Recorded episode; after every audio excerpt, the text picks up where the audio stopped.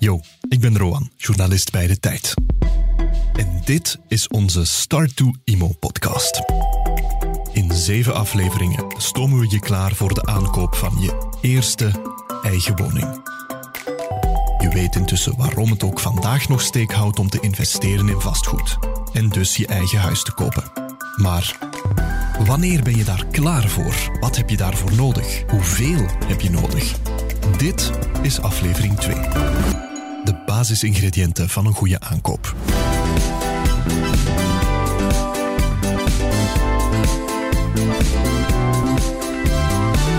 Belangrijkste ingrediënt voor mij om een koper te worden is gewoon de wil om het te hebben. Ik denk dat het wel heel belangrijk is dat je relatie goed zit. Voor ons was de beslissing om te gaan kopen gemaakt toen ons eerste kind geboren werd. Het financiële plaatje moet kloppen. Ik denk bij mijn eerste aankoop, toen was ik 25 jaar, eigenlijk een beetje te snel achteraf gezien. In deze tijd, het is volgens mij ten opzichte van vroeger moeilijker. Dus je moet beter voorbereid zijn. Reken maar en daarmee gaan wij je helpen. Je eerste huis kopen, wanneer ben je er klaar voor? Heeft dus met je relatie te maken en met je gezinsplanning. Krijg je er ook al wat klamme handjes van. En je financiële situatie moet ook op orde zijn. Ik weet bijvoorbeeld dat ik best wat spaarcentjes heb klaar liggen en dat er bij een aankoop wel wat extra kosten komen kijken, zoals verkooprechten. Of waren het registratierechten? En uh, iets met een notaris. Maar dat zijn allemaal nog maar vage ideeën in mijn hoofd. Dus de ingrediënten van een goede aankoop we gaan dat allemaal eens wat concreter maken. En daarvoor halen we Petra de Roek erbij, experte vastgoed van de netto-redactie van de Tijd. Dag Petra. Dag Roan. Aflevering 2 en het wordt meteen een stevige, Petra. Ja. Om te beginnen, is er een ideale leeftijd of een perfecte fase in mijn leven om mijn eerste eigen huis te kopen? Wel, Roan, er is geen echte goede leeftijd om te kopen. Wat speelt er wel? Ja, je moet al een zekere spaarpot hebben. Je gezinssituatie moet al toch een beetje duidelijk zijn. En misschien moet je ook al voldoende maturiteit hebben. Mhm. Maar misschien nog het allerbelangrijkste, je moet weten wat je wil. Wil je een huis in de stad, op de buiten, zoals wij dat zeggen? In welke gemeente, in welke stad? En zie je het zitten om daar toch een aantal jaar te blijven? Want als je koopt, is het niet de bedoeling dat je een jaar later al terug verhuist. Nee, liefst niet. Hè. Ehm, weten wat je wil is dus een belangrijk ingrediënt. Maar ook maturiteit, zei je, een stabiele gezinssituatie en een spaarpot. Mhm. We gaan dat allemaal eens ontleden. Hè. Eerst die spaarpot. Vertel eens, waar moet ik staan? Ja, je moet toch al een mooie spaarpot hebben. Eerst en vooral omdat je niet het hele bedrag van je aankoop zal kunnen lenen. De banken die zijn wel strikt bij het uh, toestaan van leningen. En een norm is dat je als starter toch minstens 10% van het aankoopbedrag onmiddellijk op tafel moet kunnen leggen. En om dat een beetje te concretiseren, als je een appartement wil kopen van een 250.000 euro, dan moet je toch al minstens 25.000 euro klaar hebben in je spaarpot. En ik zeg minstens omdat er ook nog kosten moeten betaald worden, zoals je daarnet net al voor registratierechten en voor de notaris. En dat is toch ook wel een aardig bedrag. Mm En dat um, aardig bedrag, die bijkomende kosten, daar komen we straks zeker nog op terug. Meer dan 25.000 euro, stel dat ik dat niet heb, Petra. Dan zit er niets anders op dan nog even te huren en sparen, of wat kan ik nog doen? Misschien uh, een tip is uh, om even vriendelijk te lachen naar je ouders. We weten ondertussen dat steeds meer ouders en grootouders toch wel uh, een centje geven of bijsteken bij de aankoop van een eerste huis. Exacte cijfers zijn er niet, maar ondertussen zouden toch wel de helft van de jongeren kopen met de centen van mama en papa op zak. Oké, okay, de helft. Best veel, hè? Verschiet ik eigenlijk wel van. Zeker dus iets om in het achterhoofd te houden, mocht het nog niet in je zijn opgekomen. Want geld krijgen van je ouders om je eerste eigen huis te kopen, het is dus lang geen uitzondering meer.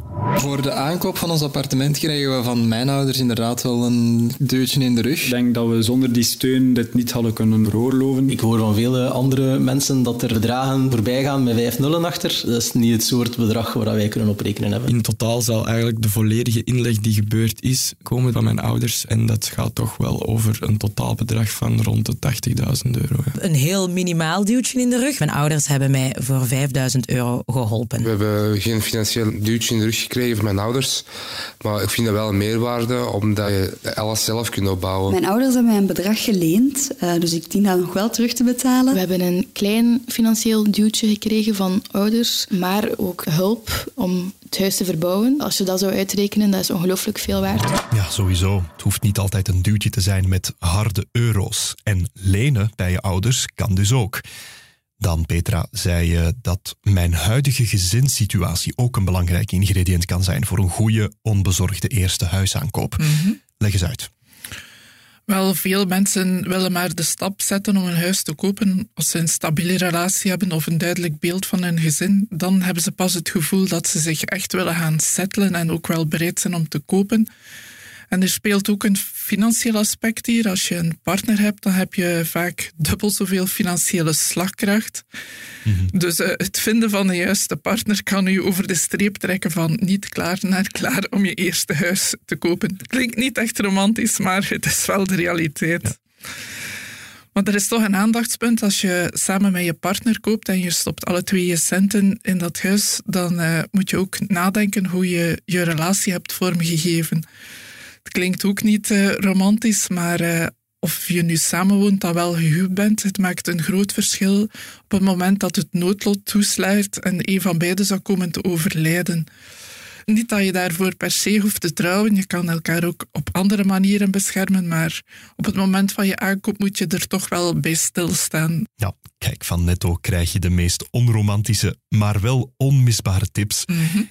En dan misschien het vaagste ingrediënt dat je in het begin opnoemde, Petra: maturiteit, volwassenheid. Ja, dat is inderdaad uh, heel subjectief.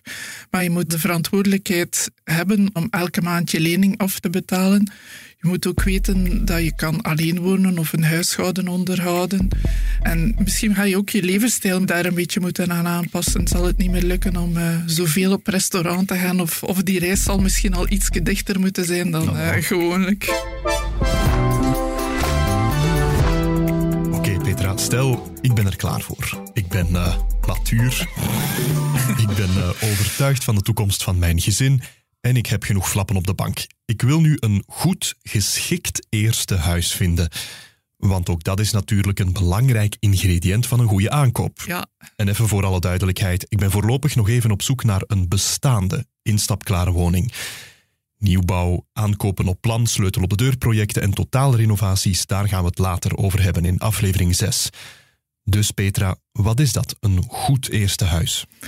Helaas is daar geen standaard antwoord op. Dat is voor iedereen anders. Een goed eerste huis is vooral een huis waar je je goed voelt. Er zijn wel zo'n aantal typische parameters waar naar gekeken wordt. Ligging en bereikbaarheid met de auto of met het openbaar vervoer. De grootte van het huis als je plannen hebt om een groot gezin te hebben. Ook uh, persoonlijke voorkeuren. Uh, wil je veel lichtinval of moet de oriëntatie op een bepaalde manier zitten? Of er een tuin is of een appartement met een terras. En misschien op langere termijn kan het zelfs goed zijn om na te denken om het eventueel te verhuren als je later naar een grotere stek wilt gaan. Aha, de verhuurbaarheid op lange termijn dus. Dan uh, ben je echt al verder aan het denken hè, als vastgoedinvesteerder. Maar goed, voor de meeste mensen zijn het toch nog altijd de simpele dingen die belangrijk zijn. Ik had voor mezelf wel gedefinieerd van wat wil ik. Bijvoorbeeld, ik wou niet in een groot gebouw. Ik wou hoge plafonds, houten vloeren. We hadden uh, niet te veel ruimtes om te onderhouden. Niet te groot, nog een leuk tuintje. Zeker in de zomer heel plezant om buiten te zitten. Dat vonden we ook wel belangrijk. Groot genoeg, want wij willen ook een beroep uitoefenen in het huis. Dus er is een extra ruimte nodig. Omdat we daar toch een beetje op het uitzicht zijn gegaan. Derde verdiep. Kijken uit op de kruinen van de bomen aan het park dat ernaast lag. Dus dat was prachtig. Voor ons was het nogal belangrijk dat de plintjes afgewerkt waren. Dit appartement was voor mij ideaal, omdat het echt in de regio ligt waar ik graag woon. De ligging is ongelooflijk. Het is een leuke ligging. Ook de ligging. De plaats, de omgeving. Ja, de locatie. Dat was eigenlijk vooral de locatie. En de klik. Het klinkt cliché. Toen we dan na het bezoek terug in de auto zaten, weet ik dat mijn echtgenote en ik naar elkaar keken en we wisten van ja, ja, we willen het. Ja, kijk, gewoon liefde op het eerste gezicht. In alle ernst, het kan ook een factor zijn. En verder inderdaad, wat je zei Petra, zaken als inrichting, grootte, tuintje, terras, uitzicht. lichtinval, al vernoemt niemand dat, nogthans heel belangrijk. En dan die typische vastgoedmantra, hè, locatie, locatie, locatie. Ja, en dan is er nog een belangrijke factor die ik wel apart zou willen bespreken, want die is wel heel belangrijk. Ik weet niet of jij een doe-het-zelver bent, Roan, maar sommige mensen zijn het wel. En uh, je kan daar aardig wat mee uitsparen als je zelf de handen uit de mouwen wil steken en bijvoorbeeld bereid bent om die verouderde badkamer zelf wat te vernieuwen. Hoe meer je zelf kan doen, hoe goedkoper het wordt. En weet ook dat uh, ongeveer de helft van de woningen in Vlaanderen verplicht energetisch moeten gerenoveerd worden. Bij de aankoop zal je een EPC-attest krijgen van je huis. En als daar op een E of een F staat, dan moet je dat huis binnen de vijf jaar energiezuiniger maken. Dus calculeer ook die kost heel goed in. Oké, dus naast de vraag wat wil ik, is ook de vraag wat kan ik belangrijk. Wat kan ik als klusjesman of vrouw? Het huis is voor mij goed om een aantal redenen. Het is instapklaar, ik ben geen handige mens, dus ik moet eigenlijk niks doen. Ik heb twee linkse handen, ik ga dat eerlijk toegeven. Dus ik zal nooit een woning aankopen waar dat er heel veel taken moeten, echt moeten gebeuren. De EPC was super slecht, F. Maar we wilden sowieso iets dat we helemaal konden verbouwen en naar ons hand zetten. Dus dan is het goed dat het heel oud is en dat dat eigenlijk ja, op niets meer trok van binnen. Te renoveren, voor de een is het dus een voordeel, voor de ander een dealbreaker. Ja. Maar goed, om dus even samen te vatten, een goed eerste huis, dat is er dus eentje dat gewoon past bij jouw profiel en jouw wensen. Dus dan zijn we weer bij dat belangrijke ingrediënt weten wat je wil, maar dan met extra aandacht voor wat je kan. Want als je bereid bent om deels of volledig zelf te renoveren, dan kan dat je lijstje van mogelijk geschikte eerste eigen woningen wel een pak langer maken. Goed, je hebt intussen een duidelijk beeld gevormd van wat voor jou een goede eerste eigen woning is. Dan ga je op zoek. Hoe je die zoektocht best aanpakt, daar zoomen we op in in aflevering 4. Nu blijven we nog even bij die ingrediënten van een goede aankoop. Nog zo'n belangrijk ingrediënt is, denk ik, de juiste prijs, hè, Petra. Want uh, als ik word afgeript, ja, dan is het natuurlijk geen goede aankoop geweest. Nee. Hoe weet ik of de prijs die ze vragen voor mijn droomhuis een correcte prijs is? Of ik niet bedot word? Ja, de juiste prijs bestaat helaas niet. Hè. Alles hangt ook heel erg af van de regio. In Tervuren kost een appartement al vlot meer dan 350.000 euro, terwijl datzelfde appartement in Lanaken minder dan 200.000 euro zou kosten. Dus je zal zelf een beetje kenner moeten worden van de lokale markt. Ja. En nog een tip om te helpen om na te gaan of de prijs die je betaalt echt wel correct is en dat je niet betot wordt, is om een eh, expert of een vakkenner mee te nemen voor een huisbezoek. Misschien heb je wel iemand in je familie of je vriendenkring die aannemer is of, of een architect. Zo weet je zeker dat je geen huis met verborgen gebreken koopt. Oké, maar dus het belangrijkste tastbare ingrediënt van een goede eerste huizenkoop, dat blijft toch die spaarpot.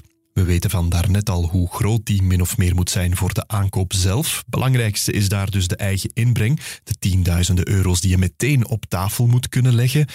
Maar Petra, je verwees daarnet ook naar de kosten die er bij de aankoop ook nog eens bovenop komen. Hè? Ja. Daar wil ik het over hebben.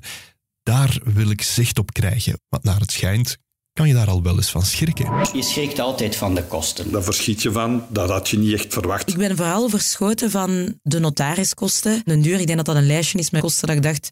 Hmm, van sommigen had ik gehoord, van anderen helemaal nog niet. Iets wat ik niet wist, is dat wanneer je een hypothecaire lening aangaat, dat er nog extra kosten bij komen bij het nemen van een hypothecaire lening. We waren het meest verbaasd hoeveel kosten dat er bij de notaris en dergelijke bij kwamen. BTW, waanzinnig hoeveel dat er moet betaald worden aan de staat, gewoon omwille van het feit dat er een huis wordt gebouwd. Het was al iemand die me heel bang had gemaakt en volledig overdreven had. Dus op die manier was ik er wel op voorbereid. Ja, die, die kosten, ik denk dat ik mijn huiswerk wel vrij goed gedaan heb. Dus ik denk dat dat ook wel een tip is voor de, de luisteraars. Echt uw huiswerk maken en goed voorbereid zijn. Voilà, daar heb je het. Hè. We gaan er meteen mee aan de slag, want wij hebben je huiswerk voor jou gemaakt natuurlijk. En we gaan, voor alle duidelijkheid, niemand heel bang maken of overdrijven. Nee, nee, echt niet. Laten we beginnen, Petra. Met welke, zeg maar, bijkomende kosten moet ik nog rekening houden als ik mijn eerste woning koop? Dat zijn er helaas heel wat, dus eh, zet je maar even klaar, want dit wordt een hele brok. Ik zou het willen opsplitsen in enerzijds wat op je afkomt op het moment dat je koopt, dus op het moment dat je je handtekening zet bij de notaris. En anderzijds de uitgaven die je zal hebben van zodra je eigenaar bent, die je elk jaar opnieuw zal moeten betalen. Dus bij de kosten bij de aankoop gaan we het hebben over registratierechten of BTW, over de notariskosten en de bankkosten. En de kosten op langere termijn zijn verzekeringen, uiteraard de rente op je hypothecaire lening en ook onroerende voorheffing en onderhoudskosten. Oké, dus eerst die onmiddellijke bijkomende kosten bij de aankoop. Let's go. Registratierechten. Registratierechten is eigenlijk de belasting die je betaalt op de aankoop van een bestaand huis of appartement. De officiële term is intussen verkooprechten. Juist. Die belasting verschilt naar gelang het gewest waar je koopt. En in Vlaanderen is het standaardtarief 12% van het aankoopbedrag. Dat is uh, best veel, maar gelukkig is er een lager tarief voor wie voor het eerst een eigen stek koopt. In Vlaanderen betaal je dan maar 3%. En als je je woning energetisch gaat renoveren, kan dat zelfs maar 1% zijn. Aha. En je voelt het al komen, Roan. Aan die lagere tarieven zijn wel een reeks voorwaarden gekoppeld. De twee belangrijkste zijn dat het je enige en je eigen woning is. Enige betekent dat je geen eigenaar bent van ander vastgoed. En als je dat toch zou hebben, dan moet je dat binnen de twee jaar verkocht hebben. En dat het je eigen woning moet zijn, dat betekent dat je effectief op dat adres moet gaan wonen. En dat binnen de drie jaar na de aankoop. Nu kan denken van ja, ja, dat zal wel in orde komen, maar als achteraf blijkt dat je er toch niet aan die voorwaarden voldoet, dan moet je niet alleen de volle pot aan registratierechten betalen, dus die 12% maar krijg je ook nog een belastingverhoging van 20% op je boterham. Dus wel stevige bedragen. Absoluut, zeker iets om mee rekening te houden dus, want het hoeft daarbij niet per se om een woning te gaan. Het kan dus ook een bouwgrond zijn, bijvoorbeeld. Zoals bij Leni. Ik ben Leni, ik ben 30 jaar oud en ik heb juist een appartement aangekocht. Dus aangezien ik al een bouwgrond heb, telt die ook als woning en zou voor de aankoop van dit appartement 12% registratierechten gerekend worden in plaats van de standaard 3%. Wat dus ervoor zorgt ja, dat die kosten onverwacht heel hoog is en ervoor zorgt dat ik eigenlijk mijn investering van mijn bouwgrond nu ook ga moeten verkopen. We zijn nog altijd bij registratierechten. En Petra, wat moeten we daar nog over weten? Dan moeten we het ook nog hebben over een, uh, een, korting. Dat is goed nieuws voor wie een bescheiden woning koopt. Daarmee kan je nog een extra voordeel doen. Afhankelijk of je 3% registratierechten dan wel 1% betaalt, doe je daar een voordeel van 5600 of 4800 euro mee. Dus dat is toch al een, een fikse besparing. En daarvoor wordt gekeken naar de aankoopprijs van je huis. Dus het extra voordeel is er voor wie een huis koopt tot, tot 220.000 euro. En omdat in de steden en de Brusselse rand de prijzen toch wel wat steviger zijn, ligt daar de grens op 42.000 euro. En dat is eigenlijk het verhaal voor uh, bestaande woningen. Koop je een nieuwbouw, dan ziet het probleem er totaal anders uit. Totaal anders? Dat is dus niet met registratierechten dan? Nee, dan betaal je geen registratierechten, maar in principe wel 21% BTW. En om het helemaal complex te maken, uh, Rowan, koop je een huis of een appartement op plan, dan betaal je op het gronddeel ofwel BTW ofwel registratierechten. En dat hangt af of de bouwwerken al dan niet al begonnen zijn. Bij nieuwbouw wordt er dus met BTW gewerkt in plaats van registratierechten. Opnieuw, meer info daarover in aflevering 6, bouwen en renoveren. Tot zover dus de registratierechten. Was al een stevige brok. Dan de notariskosten. Ja, bij de aankoop van een woning moet je sowieso bij de notaris passeren. Die zal een akte opstellen die je dan zal tekenen. Dat is eigenlijk het officiële document dat jij de eigenaar bent en niet meer de vorige. Dat is het moment dat je je registratierechten moet betalen. Dat is inderdaad al een stevige brok. Maar daarbovenop komen nog een ereloon voor de notaris en ook nog administratieve kosten voor uw actes. Dat is zowel uw aankoopakte als uw kredietakte. Hoeveel je betaalt hangt af van je aankoopbedrag en van je lening. En uh, laten we een voorbeeld nemen, Roan. Stel dat je een appartement koopt van 250.000 euro. We hadden het daarnet over de registratierechten, 3%. Dan betaal je al 7500 euro registratierechten. Maar daar komt nog wel wat bovenop. Dat is een 2000 euro eerloon voor de notaris. En nog eens zo'n 2000 euro voor akte en andere kosten. En die notaris uh, die zal ook de hypotheekakte verleiden. Dat is de akte die hoort bij je lening. Stel nu dat je voor je appartement een hypothecaire lening aangaat van 200.000 euro, dan ga je daar toch ook weer moeten betalen. En dat is 2200 euro registratierechten, enkel alleen voor die lening. En nog eens 700 euro extra eerloon voor de notaris. En dan zijn er ook nog de hypotheekkosten en dat is ook een 2000 euro. Dat begint al te tellen. Hè? Bij de notaris betaal ik dus de registratierechten op de aankoop en op de hypotheek, maar natuurlijk ook de notaris zelf en de bijkomende administratieve rekening. En dan zijn er ook nog extra kosten bij de bank. Ja, de bank zal je dossierkosten aanrekenen voor je lening, maar eh, in vergelijking met de andere bedragen valt het nogal mee. Reken op zo'n 500 euro. Goed, registratierechten, notariskosten, administratieve kosten en bankdossierkosten. Dat is dus een hele brok extra uitgaven waarmee je geconfronteerd wordt op het moment van de aankoop van je woning. Op zich dus al een groot bedrag.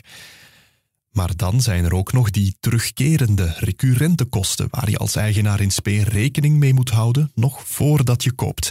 Laten we beginnen, Petra, bij de meest logische en belangrijkste ook: de kostprijs van je lening. Ja, inderdaad. In de reclameslogan horen we wel: geld lenen kost ook geld. En dat is ook zo. De bank leent je het geld om je woning te kopen niet zomaar uit, niet gratis. Je moet niet alleen het kapitaal dat ze je ontlenen terugbetalen, maar je gaat daarboven ook rente moeten betalen. De gemiddelde maandelijkse aflossing van een lening is voor uh, kopers zeker de zwaarste dobber. Gemiddeld betaalt de Belg zo'n 950 euro per maand voor zijn lening. Ja, en we komen daar ook uitgebreid op terug in de volgende aflevering, die hypothecaire rente. Wat was er dan nog? Verzekeringen. Ja, ik zou het willen hebben over eh, twee verzekeringen. Enerzijds de woningverzekering en anderzijds de schuldsaldoverzekering. De woningverzekering is beter bekend als de brandverzekering. Verzekert je huis ook tegen schade door bijvoorbeeld storm of overstromingen. Een gemiddeld gezin betaalt meer dan 550 euro per jaar voor zijn verzekering. En die tweede verzekering, dat is de schuldsaldoverzekering. Dat is een soort levensverzekering die moet voorkomen dat uh, je partner of je kinderen de lening moeten blijven betalen op het moment dat jij zou komen overlijden. Het gaat al gauw over enkele duizenden euro's. En die verzekeringen, die ik best dus ook meereken in mijn lange termijn spaarpotje, zijn die verplicht? Nee, zowel de woningverzekering als de schuldsaldoverzekering zijn niet wettelijk verplicht, maar uh, het is zo goed als zeker dat je bank zal vragen om die af te sluiten. Hmm. En als je die verzekeringen bij je bank zelf afsluit, dan zal je vaak ook een korting krijgen op het rentetarief op je lening. Wat onze recurrente uitgaven betreft, hebben we dus de hypothecaire rente en de verzekeringen besproken. We zijn bijna rond, hè Petra? Je zei ook nog onroerende voorheffing. Ja, eens je eigenaar bent, uh, moet je een bijkomende belasting betalen. Dat is de onroerende voorheffing. Er wordt soms ook gesproken van grondlasten. Het is heel erg afhankelijk van je specifieke situatie, hoeveel onroerende voorheffing je zal moeten betalen. Maar weet Roan, de gemiddelde Vlaming betaalt zo'n 900 euro per jaar. Wil je dat bedrag exact kennen, dan uh, vind je een tool op de site van de Vlaamse Belastingdienst waar je tot op de eurocent kan narekenen hoeveel onroerende voorheffing voor dit of een ander huis moet betaald worden. En tenslotte, Petra, voor uitgaven op de lange termijn, zei je ook nog onderhoudskosten. Ja, wie een nieuwbouw koopt zal de eerste jaar wel gespaard blijven van grote onderhoudskosten, maar ook daar kan na verloop van tijd een kraan stuk gaan of, of moet je al eens schilderen of, of gaat er al iets anders kapot, een stuk vloer of zo, en dat kost geld. Alright, daarmee zijn we denk ik heel volledig geweest. Alle onmiddellijke kosten bij aankoop en alle recurrente kosten die je best op voorhand ook al inrekent. Ja. En dan wil ik nu nog eens even horen hoeveel dat allemaal tezamen ook alweer is in euro, Petra. Hit me, geef nog eens één keer de harde bedragen. Ja, heb je alles goed onthouden wat we daarnet gezegd hebben, want de rekening tikt aardig aan. Dus laat ons ons appartement nemen van 250.000 euro. Daarbij hadden we 17.000 euro aan registratierechten en notariskosten die je onmiddellijk bij de aankoop moet betalen, ook voor je lening. En de jaren nadien zal je budget toch ook wel aardig aangetast zijn. Reken op een 950 euro voor je lening per maand is dat. Reken ook nog op een 900 euro per jaar dan voor je onderroerende voorheffing en dan nog een paar honderd euro voor je brandverzekering en eventuele onderhoudskosten. Maar dat hoort er gewoon bij, Rowan. Ja, toch even slikken, hè. 17.000 meteen te betalen en dan nog eens meer dan 12.000 per jaar lopende kosten. Dat is dus de echte totale kostprijs van je eerste eigen woning. In ons geval een bescheiden appartement van 250.000 euro. Dat zit dus best in die spaarpot, het belangrijkste ingrediënt van een goede aankoop. Maar uh, Petra, het blijft toch nog allemaal wel de moeite, hè? Ja hoor, het is fijn om je eigen stek te hebben en we zijn nu eenmaal Belgen met een baksteen in de maag. Dankjewel, Petra de Roek. Graag gedaan.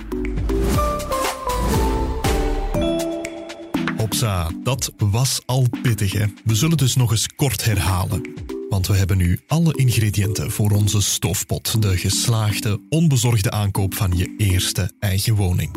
Ten eerste was er een duidelijke wensbeeld. Weten wat je wil, maar ook wat je kan qua renovatie. Dan was er nog een snuif maturiteit en een stabiele single- of gezinssituatie. Daarmee is de stofpot eventueel wat sneller klaar.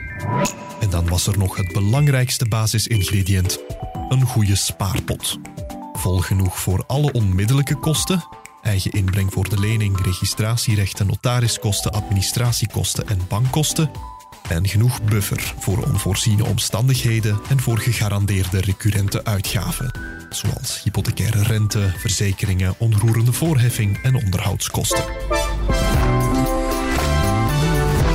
Voilà. Ons gerecht, goede aankoop, is klaar. En je hebt bij deze het recept. Het was stevig, hè? Ik zei het al aan het begin. Maar je bent er nog altijd bij. Top. Dan gaan we nu ons vergrootglas er eens bij nemen.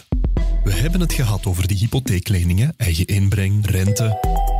Maar hoe gaat dat nu eigenlijk echt verlopen bij jou?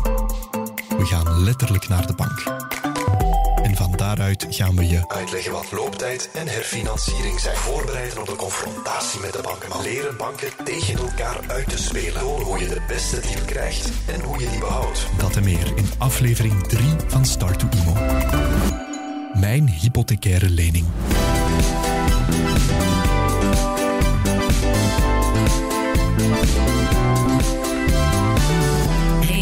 Bedankt om te luisteren naar deze Start to Immo podcast van de tijd. Fijn om je erbij te hebben. Abonneer je gerust op dit kanaal en een rating geven, dat helpt ons ook erg vooruit. Probeer ook eens onze andere podcasts, zoals Start to Invest, met mij, Ellen Vermorgen. Luisteren kan waar je je podcasts ook haalt. En check zeker tijd.be netto. Daar vind je de laatste netto-gids over vastgoed en onmisbare informatie over investeren en personal finance. Alle credits van deze podcast vind je in de show notes, samen met de structuur van de aflevering en extra leesvoer.